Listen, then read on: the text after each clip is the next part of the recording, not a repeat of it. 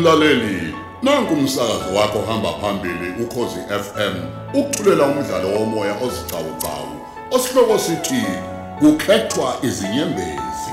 Esibhalelwe usicelo gasa.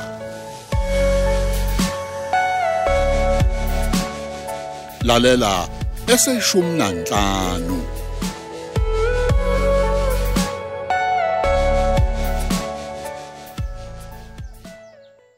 Tshena mina ke awusangithandi yini? Awusangivasheli, awufoni, awuWhatsApp.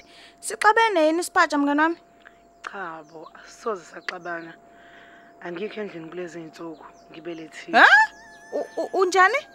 Namhlanje mina ngivele ngathela igazi phezu kombhede nakumathawula thizeni. Ngathi ukuchitha amanzi anosawutshana phansi. Ngaqede ngafonela imoto. Ngathi ayinglethelana kagugu emahotana. Hayibo, ukagogo wakhe emawotana wena?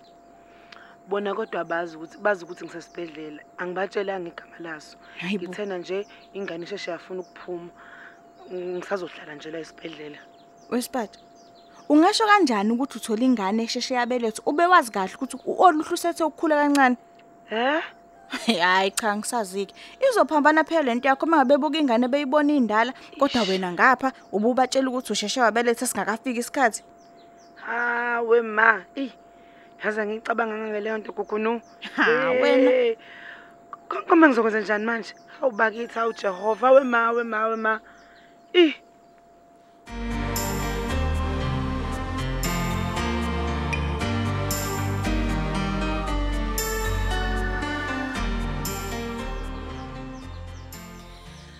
Hayi ke angike ngiayineke manje engizobe ngicuphe ngakhe emncwabeni kamngadi wami kusasa. Futhi ngizobe ngimuhle kobe kuphendukwa nami. Phela ngiyisidudle sihle kabi mina ngiyazazi. Ew wangishiya mnganami ngempela. Akekho omunye umuntu engophinde ngizwane naye ngendlela ebengizwana ngayo noma ngema. Hayi.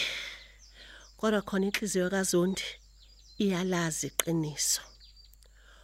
Osekungijabulisa kakhulu ukuthi ngibhaliwe kuhlelo kwalabazokhuluma kusasa. Hayibuye ngizokhuluma. Hayibo, ngizokhuluma. Uzondi lo uzokwambuleka izinqa. Ngiyafunga nasi.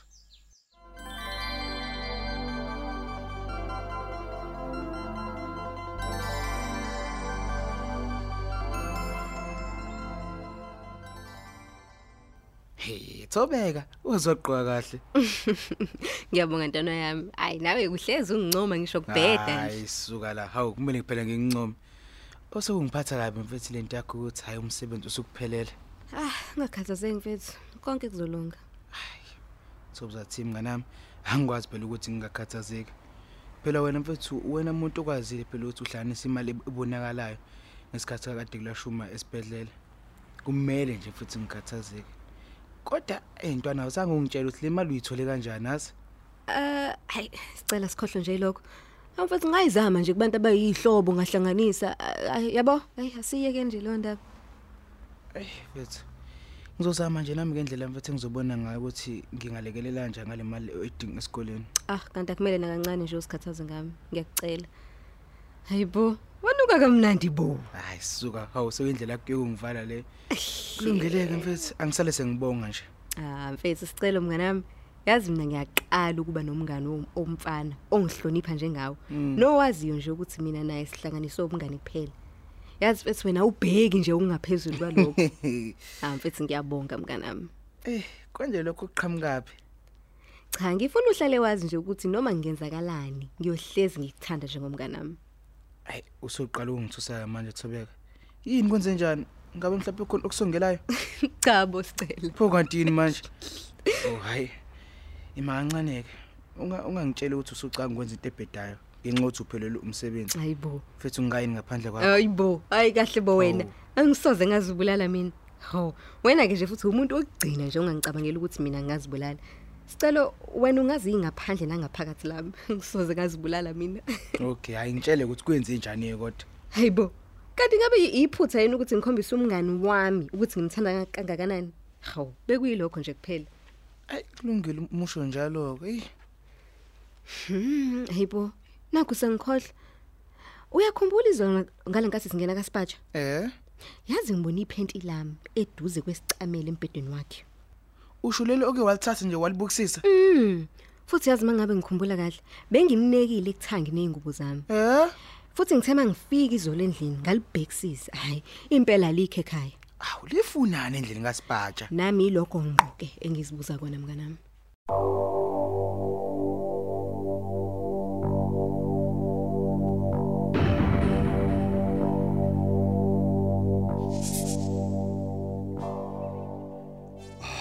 Ungaze ngajabula wemadoda.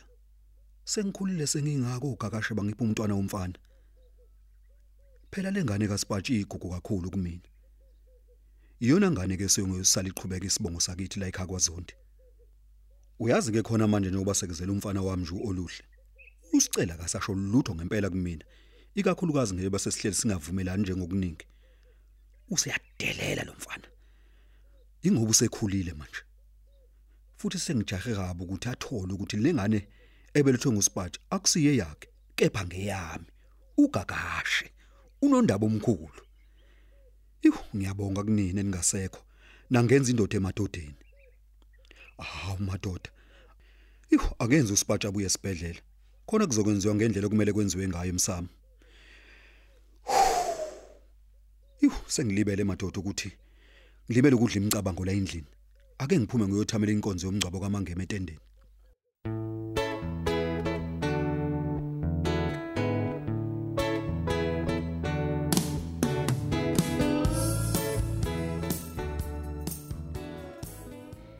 Hey bakithi uyazi kubuye kuthi anginqabe nje lento kaSpatsha ukusebenzisa oluhle wami lezi zinto zakhe zobugebengu. Ngokwenze njani lapho esebambeka nami ngibe senkingeni? Ngenze njani? Hmm. Eh madoda. Kodwa uSpatsha uyakwazi ukungisiza izikhawe eziningi. Kungani mengabe yena esedinga usizo olulodwa ngihluleke ukumsiza? Hey, angehlisa amaphaphu ngimeseke kuloko. Okwami nje ukuba ngimeluleke ukuthi angenzi ubudedengu obungasifaka enkingeni. Kaze ke unokwenzani khona kwasicelo njengoba ephuma esegijima nje la endlini yami. He. Hey, uyadela waziyo. Ayibo. Angincela oluhle sengilibele imicabango manje. Ay, ikhala kuphi ke leyo selula? Oh, nansi. Mm, ukuba ufunani ke lona? Sawubona. Mama umntanami unjani? Yebo, sawubona Gibson. Ah kodwa bengamnandi kakhulu uma ungathi baba ka oluhle. Baba ka oluhle. Wenzani namhlanje? Ngakwazi ukubona? Cha bo, ngeke ukwazi. Hayi, bo ungangitshela ukuthi usadiniwe wena ngenxa yesimo sobabili esingesikwazi nje ukusilungisa.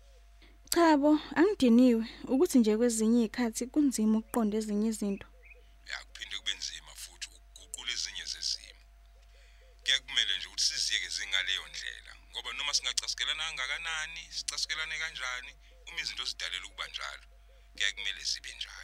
Mm.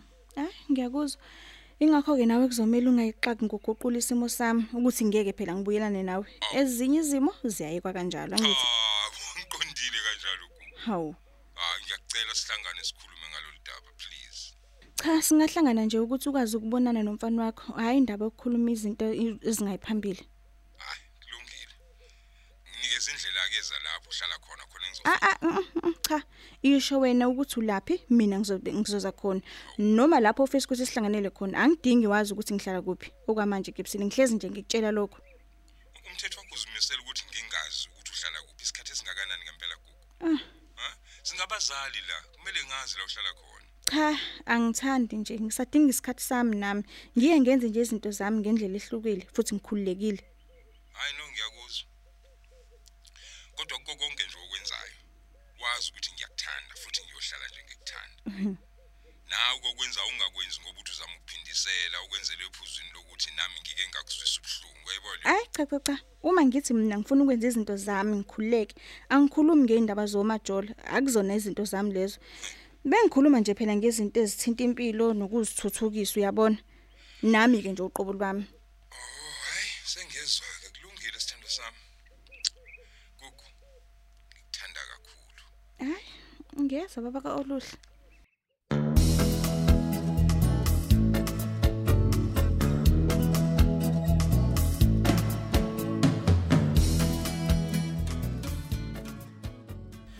Bazalwane bami, ngiyabuqonda ubuhlungu nokuphatheka kabi. Kanye nokudumana nje kwemoya yethu nezinhliziyo zethu.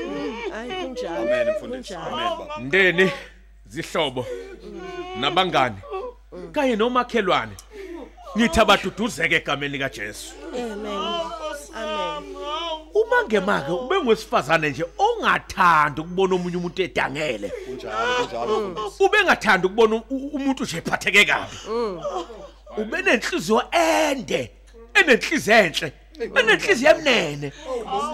qiniso lelo linajabacaba Uyabona umndeni wala ekhaya ungafakazela mina nje uma ngithi uma ngema u- ube ulelu hlobo lomuntu wesifazane obengaqoba ukulala engadlile. Igama lelo mfundisi. Inqobo nje uma kudle lowo ongabe fike kuye ekhala ngendlala. amen. Amen bazalwane bami. amen imfundisi kangemo. Amen mfuku. Ngingufakazi kulelo mfuku. Ubencamela ukunginika ubisi lwetiye lokugcina yena aphuzela iminyama angazi sengizoba yini ngoba uzonda kaliphuza phuza itiye. Ngifolwe mbiza mina. Amandaba. Noma ke kunzima ukwamukela. Kepha sizama nje ukupholisa imoya. Samukele ukuze naye ezohamba kungabi nezihibe endleleni yakhe. Luthe usuku lwakhe uma lifika lwafike ngaphansi kwendle yenkonzo. Ibanga lakhe bese ligijimile waze wafika egcineni. Umbuzo omkhulu ke kumele sisale nawo thina esaphila. Ukuthi liyothi uma lifika elomhla kuphela. Kazi ngiyobe sengibuyele yini kuye. Noba ngiyobe ngidwanguza nje ngingasitholi ubumina ngingakamazi uNkulunkulu. Hey hey usungikhumbule Jesu amen mfu Uyabona ke uma ngisakhuluma kanjena kuvuka izwi lenkosi lapha encwadini yamahubo 139 verse 3 Yebo mfundisi. lapho kufundeka khona kanje. Uyaphenya ukuhamba kwami. Nokulala kwami. Awu. wazana neindlela zami zonke. Yebo. njalo njalo. Ngaleli zwi ke ngithanda ukududuza kakhulu ngalo. Wazana neindlela zethu. Indlela kamangema ubeyazi. Akusiyili iphutha lokho okwenzakalile bazalwane. Ongabonayo wayisekada lihlela lolu suku lwanamhlanje. Osokwenzekile? Kufana nokudaliwe amen bazalwane bami amen mfu Hey, nalo mfundisi uzobambezela uhlelo nje. Ushumayela kaqedi mina. Hey, ngisawushaya umoya sicela. Hawu kahle baba musukuyenza lonto. Hawu. Hayi sicela. Kanti unjani? yini? Sekuyiphutha Hawu kahle baba ayi awuyiqoqe Uyashayisana namhlanje. netendeni manje. Awiziqoqe. Hayi ngiyabuya sicela. Hawu.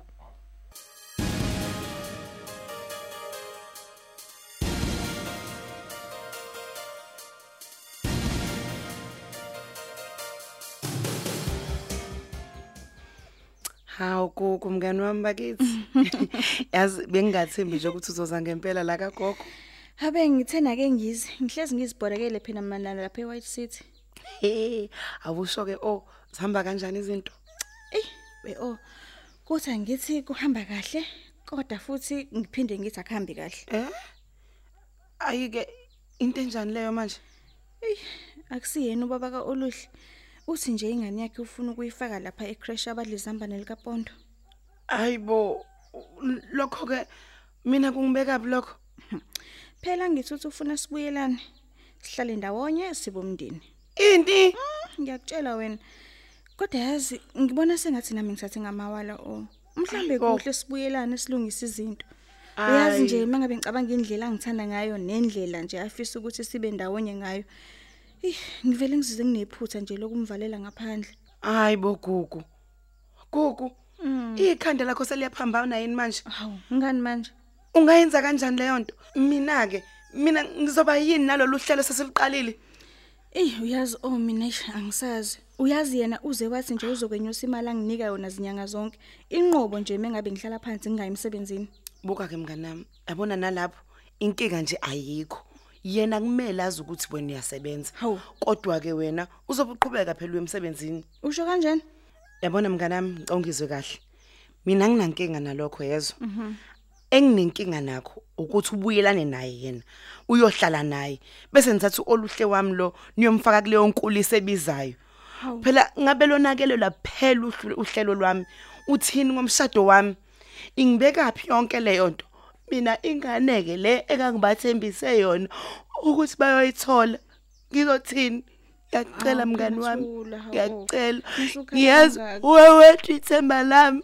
Hawu. Ngiyacela ukuze Hawu, liqhubeke hawu, kodwa iqhinga lami. sibatsha, hawu, Konke mngani kulele wami. kuwena mngani Thula wami. phela angithandi-ke mina ngabe usukhala thula sesikulungile ngizobona ukuthi ngihlela kanjani yezwa khululeka phela musukhala thula ho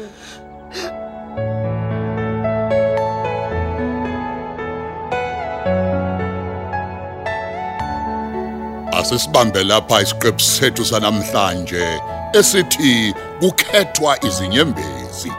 Osithulelwa ukhozi FM.